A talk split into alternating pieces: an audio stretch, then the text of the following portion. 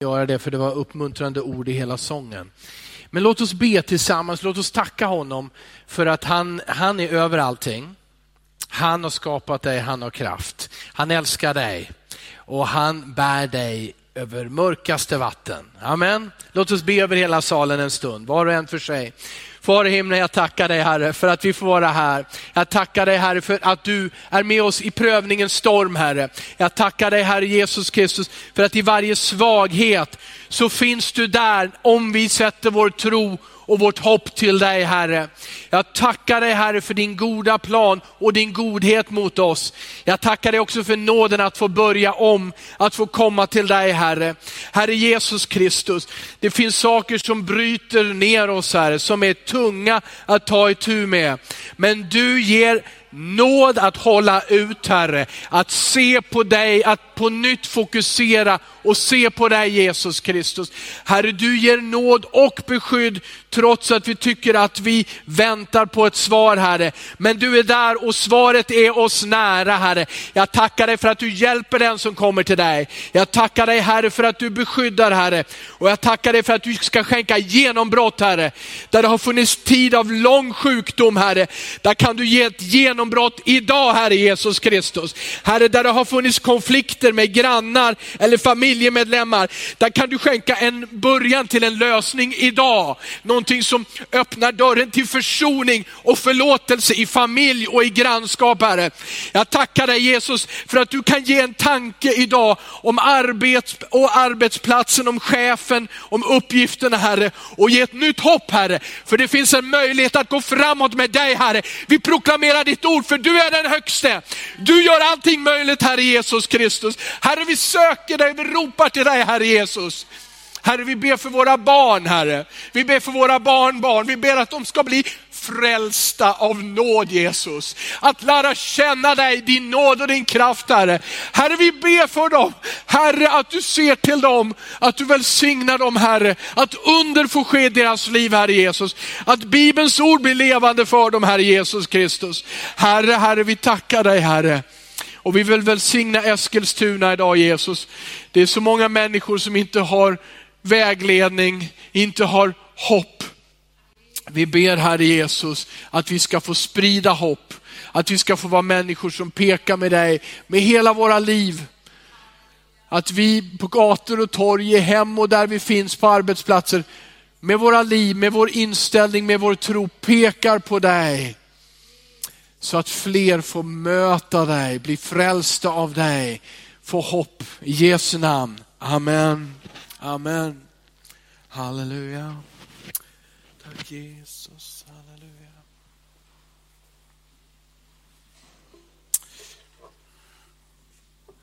God förmiddag allesammans. Härligt att få vara här med er. Vi kommer att eh, eh, läsa ur Markus evangeliets sjunde kapitel. Fast jag ska erkänna, och det kommer ni märka, att det mesta av predikan kommer ur Matteus 15, men vi började med Markus 7. Det är nämligen samma berättelse. Eh, Jesus har gjort massor av under, stora saker. Och ändå så läser vi gång på gång hur han förundrades över lärjungarnas otro, eller lilla tro, eller oförmåga att förstå vad som hände. Eh, han hade blivit utkastad ur sin hemby trots att han kom med ett budskap om Guds kärlek och helade människor. Herodes, den grymme Herodes hade låtit avrätta hans kusin Johannes döparen. Han hade nyligen, har vi läst, mättat kanske 20 000 hungriga magar och hela tiden så trängde folkmassorna på. Hela var än Jesus gick så kom de och ville ta dit sina sjuka och han skulle lägga händerna på dem, han skulle hjälpa dem. Fariseerna slutade inte, de skickade upp delegationer från Jerusalem av riktigt ordentligt kritiska fariseer som tog itu med honom, kritiserade lärjungarna, letade fel i hans sätt, i hans undervisning, i det som han stod för. Det verkar som man försöker att hitta lite ensam tid med lärjungarna för att få sitta ner och förklara, vårda dem, eh, be till Fadern tillsammans. Men det är liksom omöjligt hela tiden och när vi läser i Markus 7 och 24 så står det att de beger sig till och med till en annan trakt för att få komma lite utav stillhet och ensamhet. Det står i vers 24, Markus 7 24, sedan gick han därifrån och kom till trakten runt Tyrus. Det är alltså på gränsen mot ett annat område, Fenicien. Där gick han in i ett hus. Han ville inte att någon skulle få veta det. Men det gick inte att hålla det hemligt. Jesus visar ett väldigt mänskligt behov. Låt mig stänga dörren. Det är många som vill väldigt mycket. Kom, vi, vi är här. Men inte ens där i ett hus på en främmande plats, där han normalt sett inte brukar vara, inte ens där får de vara i ro. Människorna har behov. Och de har märkt att Jesus kan möta behoven, så de kommer och knackar eller bultar eller öppnar dörren eller vad de gör. För inte ens där kan han gömma sig. En kvinna vars dotter hade en oren ande fick höra om honom och hon kom genast och föll ner för hans fötter. Här möter Jesus långt bort från judarna, som han hade kommit till judarna, långt bort ifrån dem, så möter han en kvinna som inte är judinna. Hon är, kallas för grekisk kvinna, eller hon är en hednisk kvinna, hon kallas också för kananeisk kvinna. Det här är olika begrepp för samma sak egentligen. Hon var inte en judinna. Han kommer och möter en kvinna som har stor tro. Wow! Gång på gång på gång har Jesus märkt att folkmassorna, de vill gärna ha hans under, men de har svårt att tro på vem han är. De vill göra honom till en politisk kung, en revolutionär, men inte acceptera som Guds son. Han gör under, han mättar tusentals magar och lärjungarna sitter i båten och gnäller över att de har glömt bort att ta med sig bröd. De förstår inte och tror inte. Och Jesus söker någon slags vila ifrån detta. Att ständigt förkunna och så möta på så lite tro i hjärtana. Han söker sig till ett annat område där man mänskligt sett inte kan förvänta någon tro, för, för de trodde inte på judar hade någonting speciellt att ge. Men där möter han en kvinna, en invandrare, en utlänning, en någon annan. Och hon har stor tro. Vi läser bara om det här två gånger. Båda gångerna i Matteus evangeliet. Vi ska alldeles strax gå till Matteus 15. Men denna gång och en annan gång då en romersk officer kommer till Jesus. Han har en tjänare hemma i sitt hus som är sjuk och han säger Jesus ett ord från dig och min tjänare blir frisk. Jag är romare, jag vet att du inte får komma hem till mig. Jag är ovärdig. Men ett ord ifrån dig och det räcker. Och Jesus säger till de som är runt omkring, i hela Israel har jag inte funnit en sån tro som hos denne man. En soldat, i grunden något vidrigt för väldigt många. En ockupationsmakt del av ett förtryckarsystem mot det utvalda Guds Israel. Men i den mannen och i den kvinnan finner Jesus någonting som han beundrar, som får hans uppmärksamhet. En stor tro. Det här med lärjungarna. Jag ska ge några bibelställen innan vi kommer. Ni behöver inte slå upp dem för det går så fort nu då. Okay? Matteus 6 och 30 står det så här. Om nu Gud ger sådana kläder åt gräset, som idag står på ängen och imorgon kastas i ugnen, hur mycket mer ska han då inte klä er? Och så säger han till lärjungarna, så lite tro har ni. Han visar på fåglar, han visar på blommor och säger, ser ni inte att jag tar hand om min skapelse? Och ni, kan, ni har inte ens förmågan att tro att jag har omsorg om er som jag har gjort till skapelsens krona och älskar. Matteus 8 och 26. Jesus sa till dem, varför är ni rädda? Så lite tro ni har. Sen reste han sig och talade strängt till vindarna och sjön och de blev alldeles stilla. Jesus har lovat att vara med när det stormar till sjöss och vara med i livets stormar. Men han säger till sina bästa vänner, så lite tro ni har. Matteus 14 och 31. Genast räckte Jesus ut handen och grep tag i Petrus och sa, så lite tro du har, varför tvivlar du? Jesus hade, Petrus hade stigit ur båten, sett på Jesus och börjat gå i tro. Men så blev omständigheterna för stora, för påtagliga. Det blåste, stormade, himlen var mörk och havet var mörkt och han började sjunka. Och jag sa, Petrus, du tittade ju på mig alldeles nyss. Varför började du titta på alla omständigheter? Varför tvivlar du? Vilken liten tro du har. Matteus 16 och 8. Jesus märkte det och frågade, varför säger ni till varandra att ni inte har något bröd? Så lite tro ni har. Ja, det var det där. De hade sett bespisningsundret, men nu funderade de på varför, hur de skulle överleva en liten båtresa över en liten sjö. De började till och med att bråka. Vem är det som har glömt brödet? Är det du? Istället för att se, ska vi fråga Jesus om vi kan lösa den här matsituationen också? Får jag säga det här till er utan att ni blir upprörda? Ja, jag överlämnar det till er. Ni, oj, förlåt, nu vred jag på mikrofonen här lite.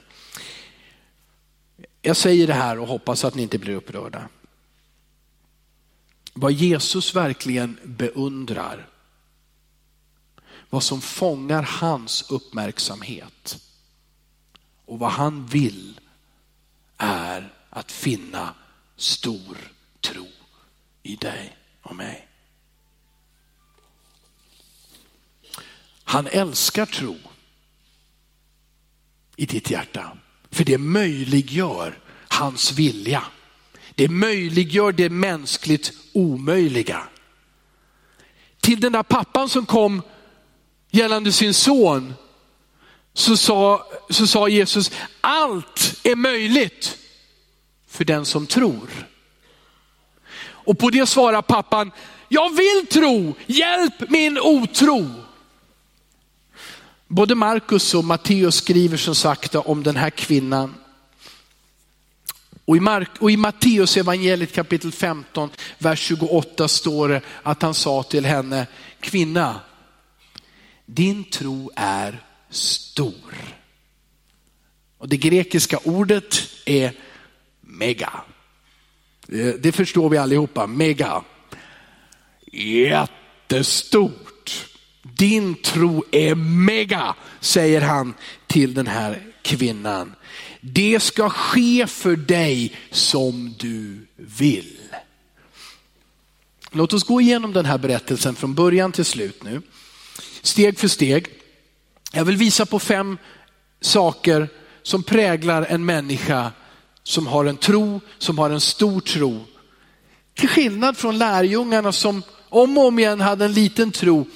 Men låt oss inte trycka ner lärjungarna i skorna och inte oss själva heller. För lärjungarna med den lilla tron, efter att de hade sett Jesus uppstå från de döda och efter att de hade blivit döpta i den heliga ande, så gick de till jordens ändar i den dåtida världen. De gav sina liv för Jesus. Det finns mod och kraft att få för var och en genom Jesus och genom den heliga ande. Amen. Vi behöver den heliga andes dop och det ger oss Jesus för att göra oss i vår rädsla, i våra tvivel, i vår otro trofasta mot honom med blick fäst på honom. Men vi håller oss till den här texten. Skriv gärna ner de här fem punkterna. Ni kanske inte är vana att skriva ner predikningar, men jag tycker att det är ett bra sätt för att sen ta, ta hem de här punkterna och titta hur, hur blir de relevanta? Hur tar jag det här som jag lär mig från Bibeln och använder det i min situation, mina utmaningar? Fråga Gud, hur mycket tro vill du låta växa i mig? Kan, det, kan jag säga som pappan, hjälp min otro, för jag vill tro. Den första punkten nu då. En människa med stor tro tar sina problem till Jesus. Det var en väldigt enkel punkt, eller hur? Tar inte sina problem till någon annan. En människa med stor tro tar sina problem till Jesus. Eh, och i, nu ska jag mest uppehålla mig i Matteus då. I kapitel 15 och vers 25 så står det, nej jag hittat det, men hon, det stämmer ju inte, jo då. Nej, förlåt, i vers 22. Vers 22. Då kom en kananeisk kvinna från den trakten och ropade, Herre Davids son, förbarma dig över mig. Min dotter är svårt besatt. Den här kvinnan kommer med ett fruktansvärt lidande. Hennes dotter, och hur svårt det här nu än kan vara att förstå, men hennes dotter är besatt av en ond ande, av en oren ande. Det innebär, det minsta som innebär att hon är oerhört destruktiv mot sig själv och mot sin omgivning. Hon skadar och skrämmer, fungerar inte normalt. Och denna mamma kommer med sin smärta, med sin sorg och hon kommer med den till Jesus. Det är det första tecknet på stor tro. Föräldrar ber ofta för sina barn. Jag har märkt att mammor ber väldigt mycket för sina barn med en uthållighet. Mormödrar och farmödrar ber för sina barn. Med den här inställningen, Jesus, du kan göra det ingen annan kan göra. Det inte lärarna kan göra för mitt barn, det kan du göra. Det inte jag kan göra för mitt barn, det kan du göra. Det inte psykologen kan få till, det kan du få till och hela. Du kan hjälpa mitt barn. Mitt barn är arbetslös, men du kan ordna.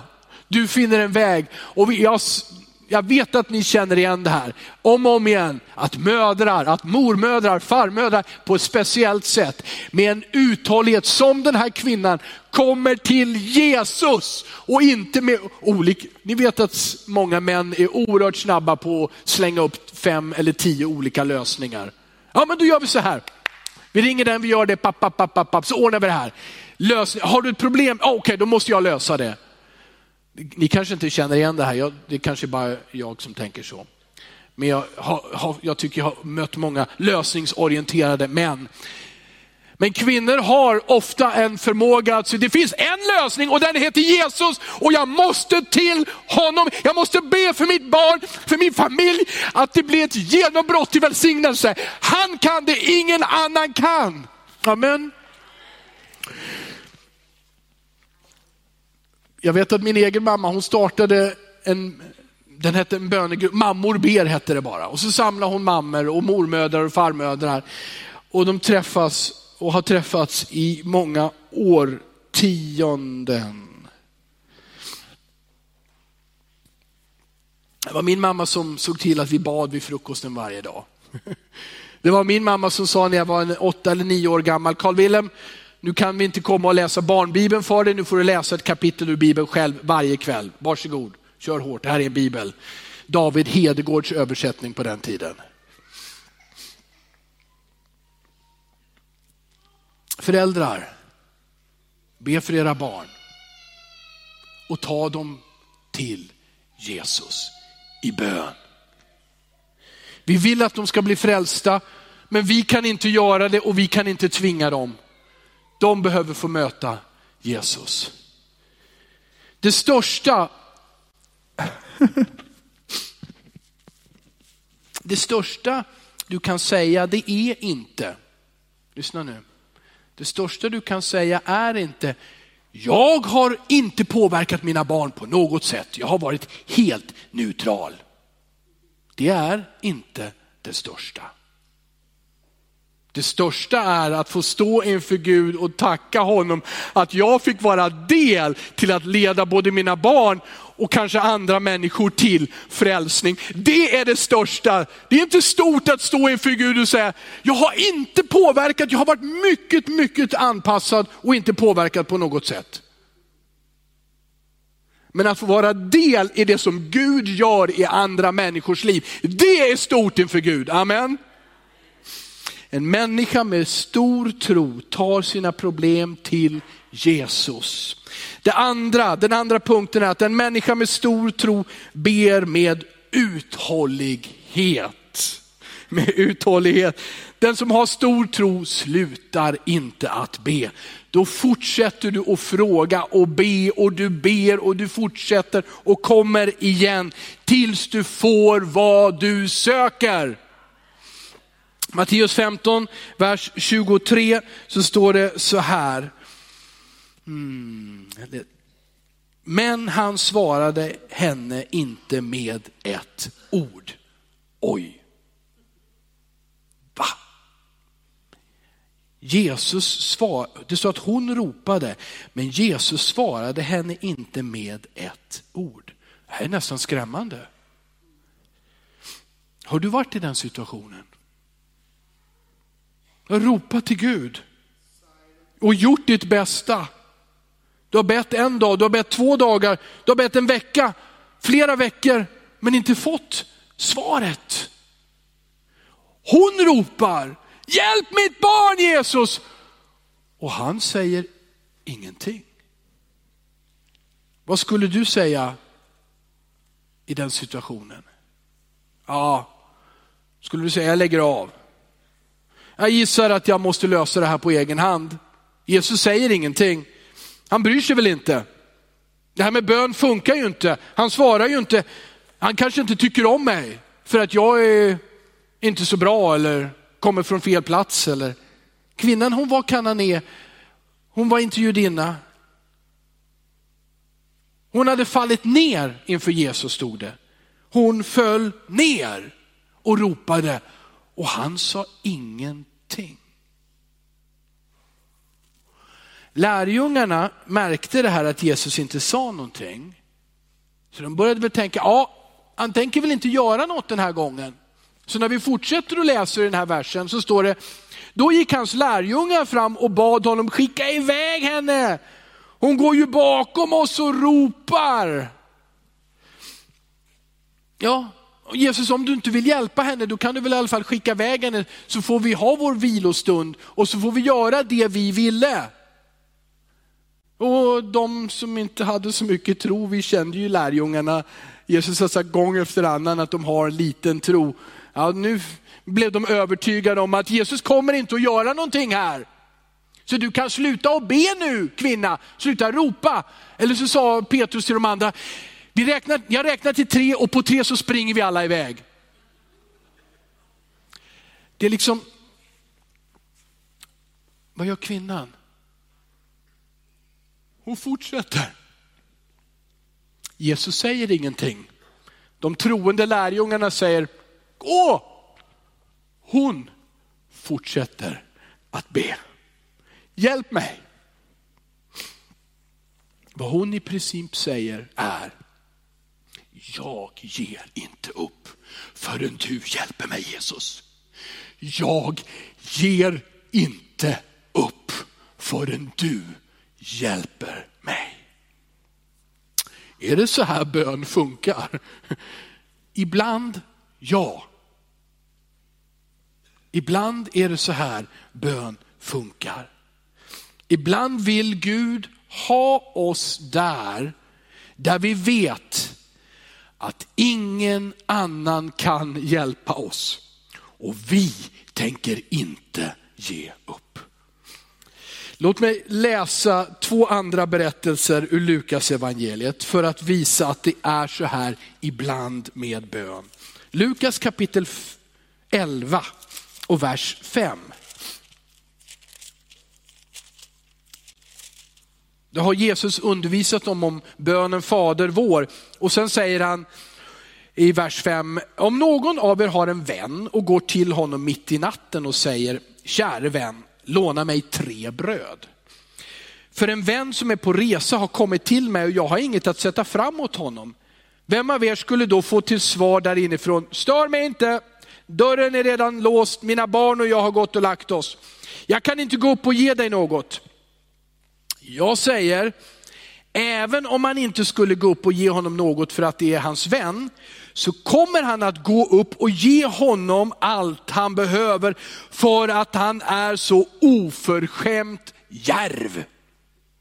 För att han inte ger upp. Och jag säger er, be så ska ni få. Sök så ska ni finna.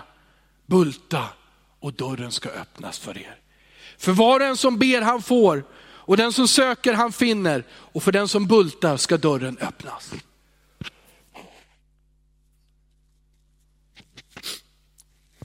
Har du kommit fram, har du i, i hemgruppen bett om förbön? Har du kommit fram i slutet av en gudstjänst och sökt förbön någon gång? Vad bra, gör det. Men kom igen. Har du inte sett ditt bönesvar, fortsätt att söka bönehjälpen i hemgruppen, här framme i gudstjänsten från förebedjare vid olika tillfällen. Gå till Gud själv, sök honom, ge inte upp. För Jesus säger, det djärvhet och nästan till en fräckhet belönas, en uthållighet belönas. Jag säger det här, jag kanske sa det lite tidigare, får jag säga det här? Utan att peka pekfinger. Några av er ger upp för tidigt. Jag kanske ska säga det, Carl Wilhelm, du ger upp för tidigt. Du såg inget svar. Du drog slutsatsen att det, det är inte Guds vilja, han bryr sig inte och så slutade du att be. Lukas berättar en till sån här liknande berättelse. Lukas kapitel 18 och vers 1. Lukas kapitel 18 och vers 1. Jesus berättade för dem en liknelse för att visa att de alltid ska be utan att tröttna. I en stad fanns en domare som varken fruktade Gud eller hade respekt för människor. I samma stad fanns en änka som kom till honom gång på gång och sa, ge mig rätt mot min motpart. En tid ville han inte, men sedan sa han till sig själv, ja, även om jag inte fruktar Gud eller har respekt för människor, ska jag ändå ge den här änkan rätt, eftersom hon är så besvärlig. Annars pinar hon till slut livet ur mig med sitt springande. Det här är en liknelse om en dålig domare och en kvinna som aldrig ger upp. Hon irriterar honom med sina, sin vädjan om att hjälpa till. Och då säger Jesus, hör vad den orättfärdige domaren säger. Och sen lägger han till, skulle då inte Gud skaffa rätt åt sina utvalda som ropar till honom dag och natt? Är det tydligt nog att Jesus vill lära oss att vara uthålliga, att inte ge upp. För Gud är inte en orättfärdig domare, han har utvalt dig, han älskar dig, han lyssnar till ditt rop. Han vill att du inte ger upp. Nummer tre. En människa med stor tro förväntar sig att Gud gör undantag för just henne. Jaha. Ja. Gud måste vara rättvis, lika för alla, eller hur?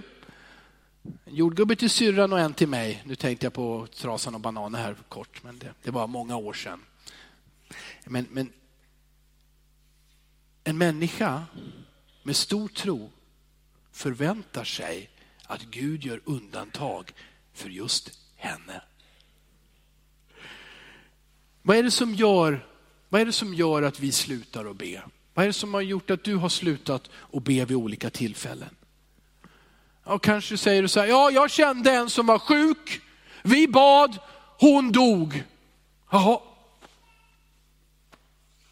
Du behöver inte säga mer. Varför vill du be? Jag kände en som inte fick bönesvar. Utblivna bönesvar. Och visst är det så. För ibland så får vi inte de svar vi önskar. Ibland förstår vi inte ens det svar som vi får. Men en stor tro i vår hjärta är fräck nog att förvänta sig undantag. Att Jesus hör mig och ser mig och hjälper mig. Vers 24. Då står det så här, vi är i Matteus, Matteus 15.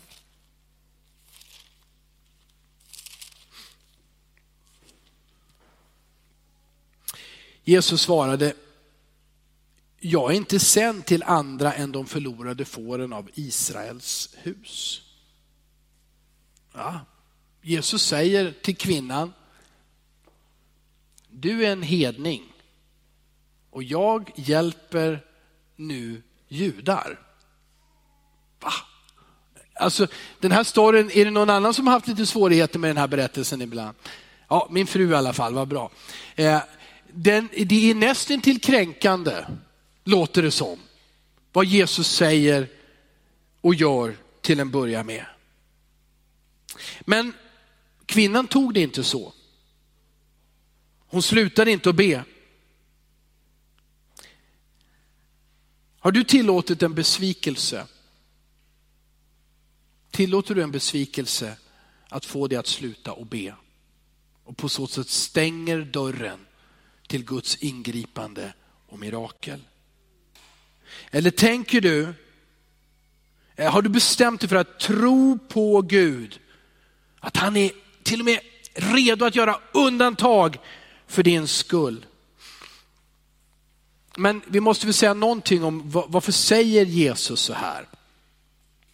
Jo, det goda, de goda nyheterna, de måste börja någonstans med någon. Och Jesus och Gud valde ut det judiska folket. Det här är kronologiskt. Han börjar här och kommer sen till resten.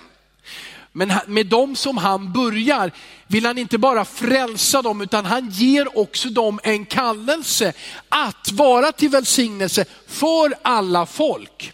Det finns inget exkluderande i att Gud säger, jag vill bara frälsa den här lilla folkgruppen som, som eh, avstammar från Abraham här och som är judar och de andra har jag inte lust med. Utan han har en plan att välsigna alla jordens folk, till och med Eskilstuna 2020 och de människor som söker honom här och nu. Det är hans plan, men han följer en kronologi. Han utväljer ett folk som ingenting är. Han tar det som inte är imponerande i människors ögon. Han gör det till sitt utkallade folk och han frälser och han ger dem en kallelse att vara ett prästerskap åt hela världen, att föra ut evangelium i hela världen. Och glöm inte bort att Jesus var jude. Glöm inte bort att alla tolv var judar. Glöm inte bort att Paulus var jude. Hela den kristna församlingen bestod av judar. Så ville Gud. Men tidsplanen under dessa tre år som Jesus gjorde tjänst i Israel, i Galileen, i Juda, det var nu ska Guds folk få höra budskapet först. Och så säger han så här till den här kvinnan. Men Paulus skriver till exempel i Romarbrevet 1 och 16, jag skäms inte för evangeliet. Det är en Guds kraft till frälsning för var och en som tror. Juden först, men också greken. Jesus började bland dem och fortsätter bland oss. Och kallelsen är lika tydlig till dig och mig. Är du villig? Är du mån om att ge denna tro vidare till andra människor? Till andra människor i Eskilstuna? Till onådda folkgrupper som aldrig har hört om Jesus och evangeliet? Är du mån om att ge goda nyheter, ge biblar till människor i Eskilstuna, i Sverige? Att vara med och stötta att det blir översatt till nya språk så att alla människor kan få läsa Bibeln på sitt eget språk. Det är det här som Gud gör. Men till kvinnan så säger han i princip så här, det är inte din tur än. Har du mött det när du har gått till någon myndighet någon gång? Ställ dig sist i kön, det är inte din tur än. Eh, men jag lider mer än de som står framför mig. Och jag har också mera bråttom. Det är inte din tur än, säger Jesus. Varför gör han så här? Jag tror att han vill väcka tro i hennes hjärta. Och han vill låta hennes mirakel hamna i Bibeln och bli ett exempel för miljoner och miljoner av människor. Han vill väcka tro i hennes hjärta. Hans fördröjning på svar är inte ett avslag. När han säger inte än så betyder det inte aldrig någonsin. Han väckte tro i den här kvinnans hjärta. En tro som han visste i hennes hjärtas djup finns denna tro och jag vill få fram den. Hon hade ett val, hon hade kunnat gå sin väg. Om du inte hjälper mig så kan jag gå någon annanstans. Men istället så sa hon, jag har tid. Jag har ingen annanstans att gå. Jag stannar hos dig Jesus. Jag vill uppmuntra dig att återvända till Jesus. Att stanna hos honom med det som är din kamp. Det som är din familj, det som är runt omkring dig. Och inte ge upp utan fortsätta och be. Och låta honom väcka tron i ditt hjärta. Låta den växa. Jag tror att han har fört dig hit idag för att han vill säga det till dig. Han vill uppmuntra dig i din tro. Han vill visa dig sin kraft. Han vill att du ska få det du behöver. Det är på väg. Bönesvaret är på väg. Jag ska vara snabbare nu då. Nummer fyra. En människa med stor tro kommer till Gud i ödmjukhet. Det står att hon föll ner och det grekiska ordet proskeneo betyder också tillbe. Hon föll ned inför Jesus. Ja, vi skulle kunna säga hon tillbad honom. Hon vägrade att inse, eller hon insåg att han inte gett ett avslag, utan han har bara sagt judarna först. Har du den sortens tro och beslutsamhet? Att tillbedja Gud vad som än händer. Det handlar om ödmjukhet. Att lita på att Jesu död på korset, den segern ska bli, gå till seger i ditt liv och i din situation. Det handlar om ödmjukhet. Hennes bön var enkel, en av de enklaste i Bibeln. Herre hjälp mig! Inga långa böner. Varför ska vi göra bön komplicerat? Varför ska vi göra tro komplicerat? Gå till Jesus, vänd dig till honom, var uthållig. Ge inte upp. Jesus, hjälp mig. Men kom ödmjuk inför honom. Kom ödmjuk inför honom. Och böj dig också inför honom som är vår skapare och vår frälsare. För det handlar inte om, det här kanske är viktigt att stryka under idag, det handlar inte om att vi kräver våra rättigheter. Jesus, du borde hjälpa mig. Jag är viktig. Du måste hjälpa mig. Det är inte på det det bygger. Det bygger på Guds nåd. Att han förlåter oss som inte har förtjänat förlåtelse. Och att han vill arbeta i våra liv så att både vi och andra människor får se hans godhet. Markus, om vi, ja, det, det, jag måste gå in på en svår sak till. Lite långt här idag, är ni fortfarande med mig? Det är nämligen så att Jesus säger någonting om hundar här och jag, jag tror att om du går hem och läser det här och jag säger ingenting, då tänker du va? Är det, nu går Jesus lite väl långt. Jag läser hur det står i Markus 7 och 27. Kvinnan ger alltså inte upp, men Jesus säger till henne, låt först barnen få äta sig mätta. Alltså barnen är det judiska folket. Det är inte rätt att ta brödet från barnen och kasta det åt hundarna. Vad säger du Jesus? Ja, det här måste vi förklara. Okej, okay? det första är, det grekiska ordet är inte en gatuhund här. Det är mycket mer av en knähund. Rika greker hade husdjur. Den satt på knät lite fint och man matade den. Den var en del av hushållet och familjen så som husdjur ofta kan bli. Alltså ingen föraktfull gatuhund som springer omkring. Det var inte ordet, det är det. Men samtidigt så är det så tydligt. Och det är det som är lite jobbigt att Jesus säger, det, det är inte tid för dig än. Du har inte förtjänat det här än. Blev hon upprörd? Blev hon avundsjuk? Alla andra fick ju hjälp Jesus. Hon visar inte det. Hon visar inte att hon eventuellt blev kränkt eller upprörd. Vers 28 så står det istället så här. Hon svarade honom, Herre, även hundarna under bordet äter av barnens smulor. Det var det här med ödmjukheten. Hon går inte in och säger, du har fel Jesus, inte, man börjar inte med judarna, man tar alla på en gång. Du får inte stämpla mig för att jag kommer från ett annat land. Du får inte säga någonting om att jag är kvinna här. Hon ödmjukar sig. Det är, hon gör det. Hon ödmjukar sig. Borde hon inte ha sagt, Jesus du har för trånga perspektiv. Du förstår inte det här. Men än en gång, och jag måste säga det här. Ingen förtjänar varken bönesvar eller frälsning av Gud. Bibeln är jättetydlig. Inte jag och inte du. Ingen förtjänar det. Ingen har någon som helst rätt att kräva av Gud, du måste välsigna mig.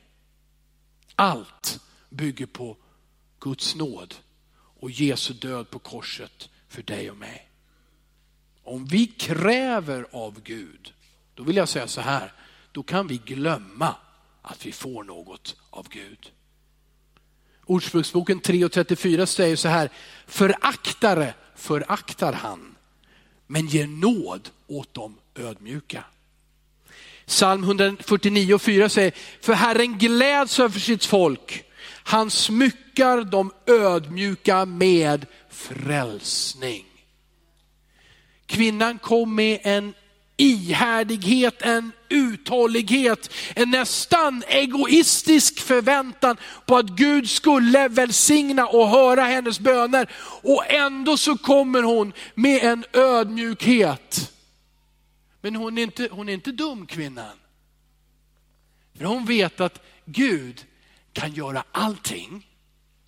Hon vet att problemet med hennes dotter, det är jättestort. Men för Gud är det problemet inte större än en brödsmula på marken. Ser du? Det som du tycker, det här är för stort och det är för jobbigt. Det är för Gud som ett litet korn, som en brödsmula på marken. Hon kommer ödmjukt, uthålligt ihärdigt. Hon ger inte upp.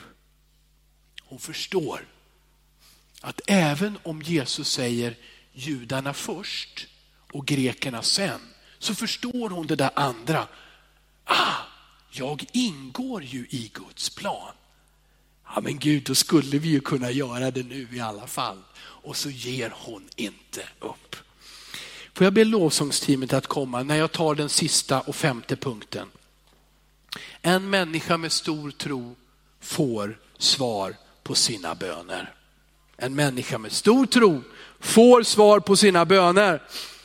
Vet att Gud är stor. Att hennes problem är stort. Men att det ändå inför Gud är som en brödsmula. Och Jesus säger till henne, du har en stor tro, en megatro. Markus 7 och 29 skriver så här istället. Han sa till henne, för det svarets skull säger jag dig, gå hem. Den onda anden har lämnat din dotter. Hon gick hem och fann barnet liggande på sängen sovande och den onda anden var borta. På grund av hennes svar, här blir min sista punkt. Hennes svar innehöll inte klagan, anklagelser, förbannelser, uppgivenhet, skvaller. Det var det ödmjuka. Du Gud, du ger ju brödsmulor till hundar. Du förmår att hjälpa min dotter. Och för det svaret skull säger Jesus, orden i vår mun och tron i vårt hjärta avgör bönesvaret ifrån Gud. Vi kan välja inställning, vi kan välja att tro. Vi kan förminska Gud genom vår klagan eller vi kan låta honom vara den han är genom att tro på honom och hans ord. Jesus sa, var och en som ber, han, var och en som söker, han, var och en som bultar, för honom ska dörren öppnas. Amen. Men ni står upp tillsammans med oss. Du har lyssnat till en predikan i Pingstkyrkan i Eskilstuna. Om du vill höra den igen eller höra andra predikningar eller se, då finns vi på TV Eskilstuna och vi finns på Youtube där du hittar oss under eh, Pingstkyrkan Eskilstuna. Du kan också klicka på prenumeration om du vill veta när nya predikningar läggs ut. Alla är välkomna hit. Du är varmt välkommen att eh, kontakta oss eller besöka ett av våra möten eller kyrkan.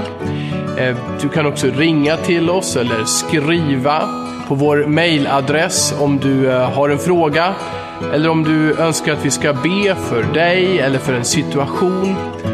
Det finns också mer information om oss och våra möten, aktiviteter för alla olika åldrar på vår hemsida och även på vår Facebookgrupp.